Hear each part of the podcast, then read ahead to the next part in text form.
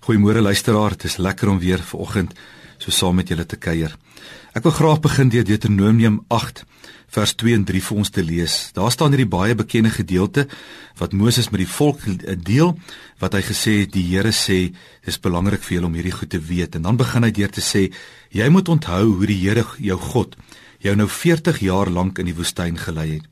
Hy het dit gedoen om jou nederig te laat word en om jou op die proef te stel sodat hy kan weet wat jy dink en of jy sy gebooie sal gehoorsaam of nie. Hy het jou laat swaar kry, laat honger ly en toe met manna gevoed, iets waarmee nog jy nog jou voorvaders bekend was.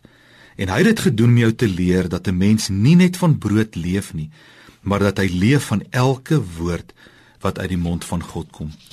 In hierdie gedeelte is daar so 'n paar woorde wat vir my uitstaan waarvan die eerste die is van onthou. Onthou jy die dinge wat vir God vir jou doen? Dit is moeilik om raak te sien wat God vir ons doen, omdat ons so gewoond is aan wat ons het. Ek werk myself vir my geld en vir die kos wat ek elke dag eet. Ek werk self vir die geleenthede wat ek kry vir my eie sukses en my eie toekoms. Maar tog het die Here vir Israel gesê: "Dit wat jy het, het ek vir jou gegee en onthou dit." En daarmee saam het die Here vir Israel iets van nederigheid probeer leer. Ons moet nederig wees voor God.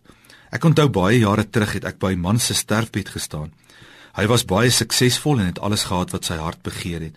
En langs sy bed was sy ouers, sy vrou en sy kinders. Hy was maar 48 jaar oud.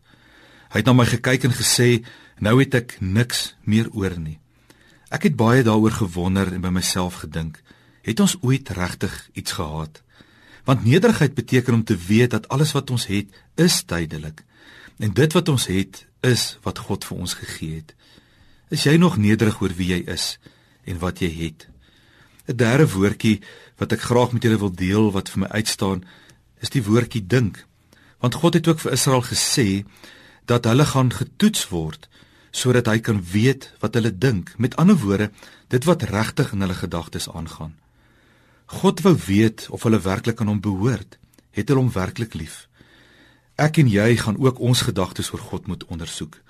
Dink ons net aan God as iemand wat vir ons help en goed gee en self sorg en die lewe makliker moet maak of behoort ons eerder aan hom en gaan dit meer oor hom te aanbid en ook aan hom gehoorsaam te wees?